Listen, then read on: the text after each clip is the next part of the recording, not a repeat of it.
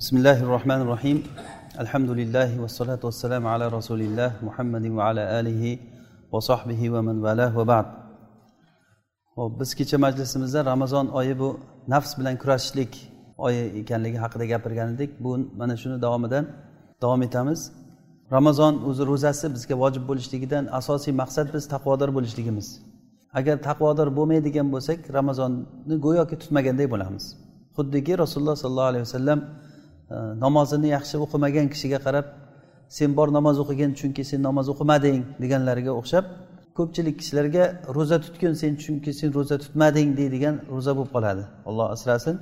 O'sha uchun oldimizda fursat bor. Mana shu ro'zalarni olloh xohlaganday ro'za tutishlikni ollohdan so'rab bu uchun biz kurashishligimiz kerak e, nafsimiz bilan kurashishlik kerak. Buxoriy rahimaulloh abu hurayra roziyallohu anhudan rivoyat qilgan hadisda rasululloh sollallohu alayhi vasallam aytadilarki agarda kishi yolg'on gapini va unga amal qilishlikni va jaholatni tashlamas ekan bekorga ochiq olib suvsab yurishligini allohga hech qanday foydasi yo'q degan. Ya'ni falaysa lillahi haja fi an yada'a ta'amahu va sharabah idal lam yada' qawla zur val amala bihi. Agarda banda qavlu zur degani bu zo'r kalimasi arab tilida yolg'on degani. Ya'ni botil ma'nosida. Shariatga to'g'ri kelmagan narsani tark qilmasa bu hamma narsa kiradi buni ichiga. Mana oyatda alloh taolo aytadiki alladina la yashhaduna zur va ida marru bil lagvi marru kiroma ibadur rohman alloh taoloni bandalarini maqtagan paytda alloh taolo qur'onda ular botilga shohid bo'lmaydilar. Alladina la yashhaduna zur ya'ni oyatda shuni tafsirda ay botil botil bo'lgan narsaga qatnashmaydi ular degan. Nimaiki shariatga xilof bo'ldimi u zo'r yolg'on botil degani u mana shu botil narsani tashlamas ekan. Masalan sigaret chekadigan odamlar sigaretini tashlamasa ramazonda. Ribo bilan shug'ullanayotgan odamlar ribosini tashlamasa harom ishni qilayotgan odamlar shu haromidan tiyilmasa va shunga amal qilishlikni to'xtatmasa va jaholatini to'xtatmasa u taom va sharobini tark qilishligida alloh taolo uchun hech qanday hojat yo'q deyapti. Bu ochiq sarih bo'lgan juda ham juda ochiq bo'lgan hadis bu. Buxoriy rahimaulloh rivoyat qilgan hadisda. Demak biz uchun juda ham muhim bo'lgan narsa o'zimizni o'rganib qolgan narsalarimizni tashlashligimiz kerak. Bu uchun havoyi nafs bilan kurashishlik kerak bo'ladi. Abul fathil qushayriyni ta'rifini aytgan edik. Nafs bilan kurashish degani nima degani? Nafs bilan kurashish degani odam o'rganib qolgan narsasini ajratishlik odamni. Nafsni xuddi yosh bolaga o'xshatgan ediki yosh bolani haligi onasi sutdan ajratgan paytdagiday qiynalish bo'lganday nafsda shunchalik qiynalish bo'ladi. Odam o'rganib qolgan odatlanib qolgan narsasini tarqamas ekan. Hatto foydasi bo'lmasa ham. Buni masalan mana biz o'zimizni mentalitetdan o'zimizni saqofamizdan kelib chiqib gapirsak o'zbekchilikda ko'p narsalarga biz o'rganib qolganmiz. O'sha o'rganib qolgan narsamizni qilmasak bo'lmaydi. Bo'lmasa foydasi ham yo'q uni. Shariatda bor deb ham bilmaymiz uni. Savob bo'ladi shu deb ham hech kim o'ylamaydi. Lekin tark qilolmaydi nima uchun desa o'zi ham bilmaydi. Nafs o'shanga o'rganib qolgan. Nafs o'rganib qolgan narsadan tark qilishlikni o'rgatadigan nafs bilan kurashadigan oy bu ramazon oyi bo'ladi. Keyin aytdikki nafs shunday narsaki u bilan agar kurashsa u tarbiyani qabul qilayotgan narsa. Tarbiyani qabul qiladi. Rasululloh sollallohu alayhi vasallamni oldilariga bir qancha kishilar kelib turib rasulullohdan bir narsalar so'rashdi tirikchilik uchun. Rasululloh berdilar yana so'rashdi yana berdilar. Rasulullohni oldida qolmadi hech narsa. Keyin rasululloh aytdilarki meni oldimda bir narsa qolsa agar hech qachon sizlarga bermay men asrab qo'ymayman. Ya'ni rasulullohni xulqlari hech qachon yo'q demaganlar. Biror narsa so'ralingan paytda yo'q demagan ekanlar. Bir kishi rasulullohga bir kiyim bergan paytlarida rasululloh sollallohu alayhi vasallam o'shani muhtoj bo'lib olgan ekanlar. Ya'ni kiyishga kiyimi bo'lmaganligi uchun olganlar. Shuni olib ustlariga kiyganligini ko'rib bir sahobiy turib ey rasululloh shuni menga bering degan. Shuni menga bering deganda rasululloh sollallohu alayhi vasallam uni yechib berish uchun uyga kirib ketdilar. Uyga kirib ketganlarida keyin sahobalar haligini malomat qilishdi. Sen bilib turib shuni so'rayapsan rasulullohdan. Rasulullohni bilasan bir narsani so'ralinsa yo'q demasligini bilasan. Shuni ham yana uni muhtoj bo'lib olganliklarini ko'rding. Nega so'raysan rasulullohdan? Deb malomat qildilar. Rasululloh shunda haligi kiyimni olib chiqib ketib qo'liga berdi. Keyin bu odam aytgan ekanki men buni rasulullohni badanlarini unga tekkanligini ko'rib menga kafan bo'lishligini shuni barakasini xohladim degan. Va o'sha kiyim o'sha kishiga kafan bo'lgan ekan. Ya'ni rasulullohni yaxshi ko'rganligidan rasulullohni badanlariga haligi kiyim tekkanligidan ya'ni rasulullohni odatlari demoqchimizki yo'q demasdilar hech qachon. Bir qavm kelib rasulullohdan so'radilar bering deb so'raganlarida rasululloh berdilar yana so'radilar yana berdilar. Keyin rasululloh sollallohu alayhi vasallam aytdilar bu, bu hadisni e, buxoriy rahimaulloh abu said al hudriy roziyallohu anhudan rivoyat qilganlar. Rasululloh aytdilarki man yastafif yuiffahulloh kimki agar o'zini iffatli tutsa alloh taolo uni iffatli qilib saqlaydi. Kim agar o'zini boy tutsa alloh taolo uni boy qiladi. Kimki agar o'zini sabrli bardoshli tutsa alloh taolo uni sabr bardosh beradi unga. Bir kishiga sabrdan ko'ra yaxshiroq bir ato yaxshiroq bir sovg'a berilmadi deganlar. Demak nafsni mana shunday tarbiyalasa ya'ni halimlik bilan tarbiyalasa odam halim bo'ladi. Sabr bilan tarbiyalasa odam sabrli bo'ladi. Havoy nafsni orqasidan ketishlik bu eng xatarlik odamni adashtirishlikka olib kelayotgan narsa shu. Havoyi nafsni ortidan yurishlik. Ibn abi shayba o'zini musannafida va abdulloh ibn muborak zuhd kitobida ali roziyallohu anhudan rivoyat qilib aytishganki ali roziyallohu anhu aytdilar men sizlarga eng qattiq qo'rqqan narsam havoyi nafs bilan uzun orzu deganlar. Havoyi nafs bilan uzun orzu. Havoyi nafs bu haqdan odamni to'sib qo'yadi. Uzun orzu bo'lsa oxiratni unuttirib qo'yadi. Dunyo o'tgan dunyo orqada qoldi. Oxirat bo'lsa oldinga qarab kelyapti. Dunyoni ham oxiratni ham o'zini shinavandalari ya'ni uni bolalari abnau dunya va abnaul axiro deyiladi. O'sha dunyoni odamlari bor va oxiratni odamlari bor. Sizlar oxiratni odamlari bo'linglar dunyoni odamlari bo'lmanglar. Chunki bugun amal bor hisob yo'q. Ertaga hisob bor amal yo'q dedilar. Ya'ni ertaga deb qiyomat kunini aytdilar. Bu gap nihoyat darajada agar biz ma'nosini yaxshilab tushunadigan bo'lsak butun hayotimizda bizni umrimizga manfaat bo'layotgan bir gap bo'ladi. Ya'ni eng katta qo'rqinchli narsa havoyi nafsga ergashishlik chunki havoyi nafs haqdan to'sib qo'yadi. O'zi havo deb ismlanganligini sababi ham havo deyilganligini sababi arab tilida aytiladiki havo deb bir narsani chuqurga tushirib yuborishlik tushib ketishlik ma'nosida. Havoyi nafs ergashgan kishisini do'zaxga tiqib yuborganligi uchun ham havo deyilgan. Yahvi degani havo yahvi degani yuqoridan pastga qarab qulab ketishlikda aytiladi. Ibn qayyim rahimaulloh aytadilar havoyi nafs qur'onda hech bir joyda maqtalib kelmagan qur'on sunnada. Qayerda havo kelsa zikri kelsa o'sha joyda mazammatlanib kelgan. Faqat bitta hadisda rasululloh aytgan ekanlarki la yu'minu ahadukum hatta yakuna havahu tabaan lima ji'tu bih. Ya'ni kishini havoyi nafsi men keltirgan narsaga tobe bo'lib ergashmaguncha iymonli bo'lmaydi dedilar. Shu joyda havo faqatgina yomonlanmay kelgan. Lekin bu hadisni sanadida ulamolar zaiflik bor deyishgan sanadiga qaramagan taqdirda ham ma'nosi bu hadisni ma'nosi to'g'ri o'zi.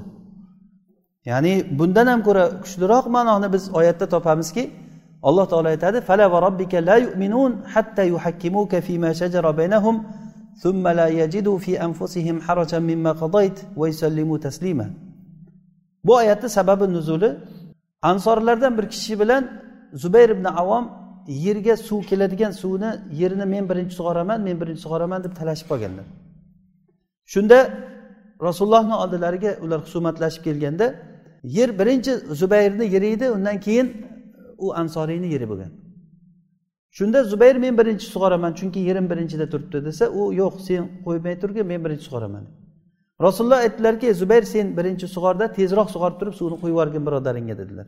Bu suv odobida ya'ni yerni suv bilan sug'oraman degan kishilar e, birinchi bo'lib turib sug'orishligi suvni boshida kim bo'lsa yeri o'sha sug'oradi degani bu.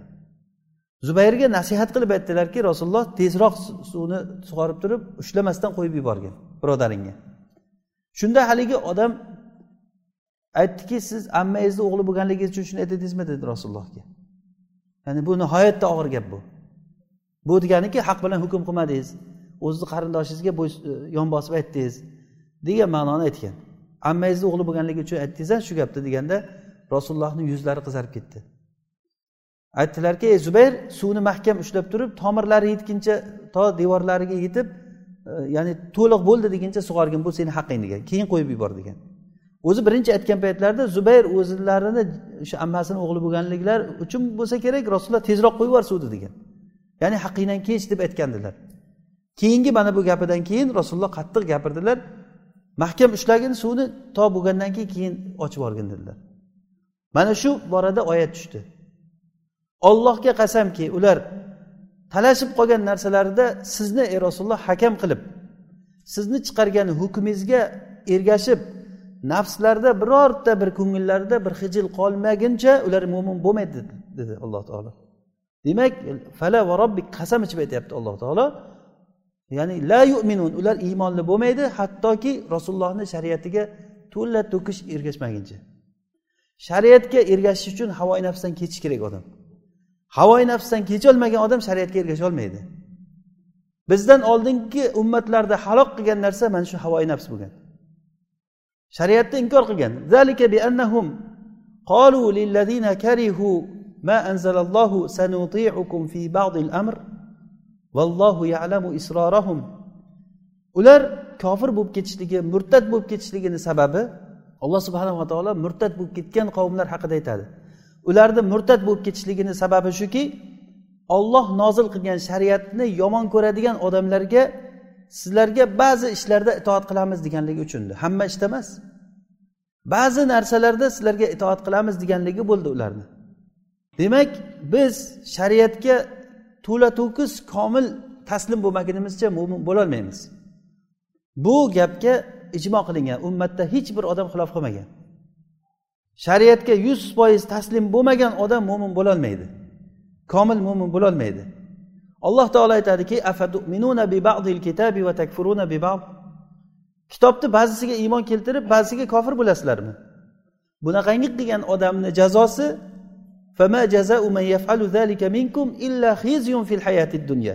dunyo hayotida unga xorlik sharmisorlik bor va qiyomat kunida bular alamlik azobga qaytariladi deganlar. Demak mana bu biz uchun nihoyat darajada muhim narsa havoyi nafsni tashlashlik. Bu biz hozir yashab turgan oyimiz bu o'tkazayotgan kechalarimiz o'tkazayotgan kunlarimiz mana shu narsani bizga o'rgatishlik kerak. Ro'za oldindan biz o'rgangan odatdagi ro'zadan farq qilish kerak. Biz necha yillab necha vaqtlab ro'za tutdik? Ro'zamiz odatga aylanib qoldi. Ro'za tutilyaptimi? Tutilyapti bo'lib qoldi lekin ro'za tutayotgan odamni ya'ni uni fikri ham ro'za tutish kerak uni qalbi ro'za tutish kerak. Shahadatu zo'rni ya'ni botil narsaga amal qilishlikni tashlash kerak. Bo'lmasa bizni oldimizda qancha shaytonlar bor. Oldimizdan to'siqlik qilayotgan shaytonlar oldindan tayyorgarlik qiladi bu narsaga. Ramazon uchun xossatan teleseriallarni ramazonga tayyorlab olib kelishadi. Chunki kechasi bilan odamlar uxlamay o'sha teleserial ko'rib chiqishlik uchun. Ramazonga alloh taolo menga yordam berdi deb ba'zi bir e, fannanlar ya'ni o'sha e, aktyorlarni gapirayotganligini eshitib qolasiz.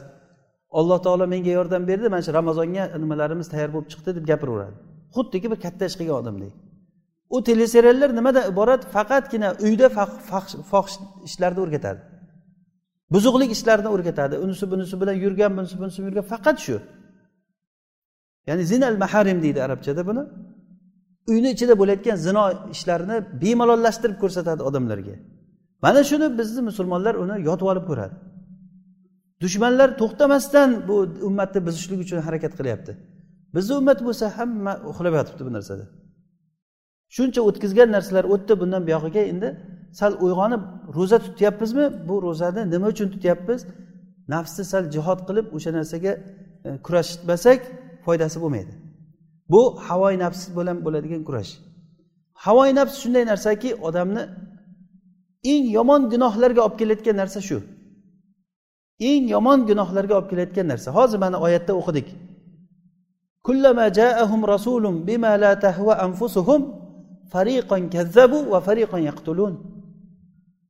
Qachon payg'ambarlar ularni havoyi nafsiga to'g'ri kelmagan narsani keltirsa ba'zilarini o'ldirishdi ba'zilarini yolg'onchi deyishdi ba'zilarini o'ldirishdi ular. Bilib turib ular nima uchun o'ldirdi payg'ambarni? Havoyi nafsiga to'g'ri kelmagan narsani olib kelganligi uchun. Mana muammo qayerda? Muammo ilmsizlik emas. Muammo havoyi nafs. Bo'lmasa aroqni haromligini kim bilmaydi? Riboni haromligini kim bilmaydi uni? Hatto shubha ham yo'q bunda. Mana ro'zani farzligini hamma biladi. Namozni vojibligini farzligini hamma biladi. Riboni haromligini hamma biladi. Zinoni haromligini hamma biladi. Bu uchun bilim shart emas. Hamma narsa hujjat qoyim bo'lgan odamlarga. Odamlar gapiradi ulamolar gapiradi. Olim bo'lib turib amal qilmaydi ilmiga amal qilmaydi deb gapirayotgan odam g'iybat haromligini biladimi? O'sha paytda o'zida o'sha olimni g'iybat qilmayaptimi o'sha odam? Ya'ni amal qilishlik masalasi bu havoyi nafsni tashlashlikni ustiga qurilingan havoyi nafsni tashlolmaydimi? Bu odam haqqa hech qachon ergasholmaydi. Yahudlar nima uchun kofir bo'ldi? Bo'lmasa ularda katta ilm bor edi. Rasululloh sollallohu alayhi vasallam madinaga borgan paytlarida yahudlar rasulullohni oldiga ilmlilari kelgan.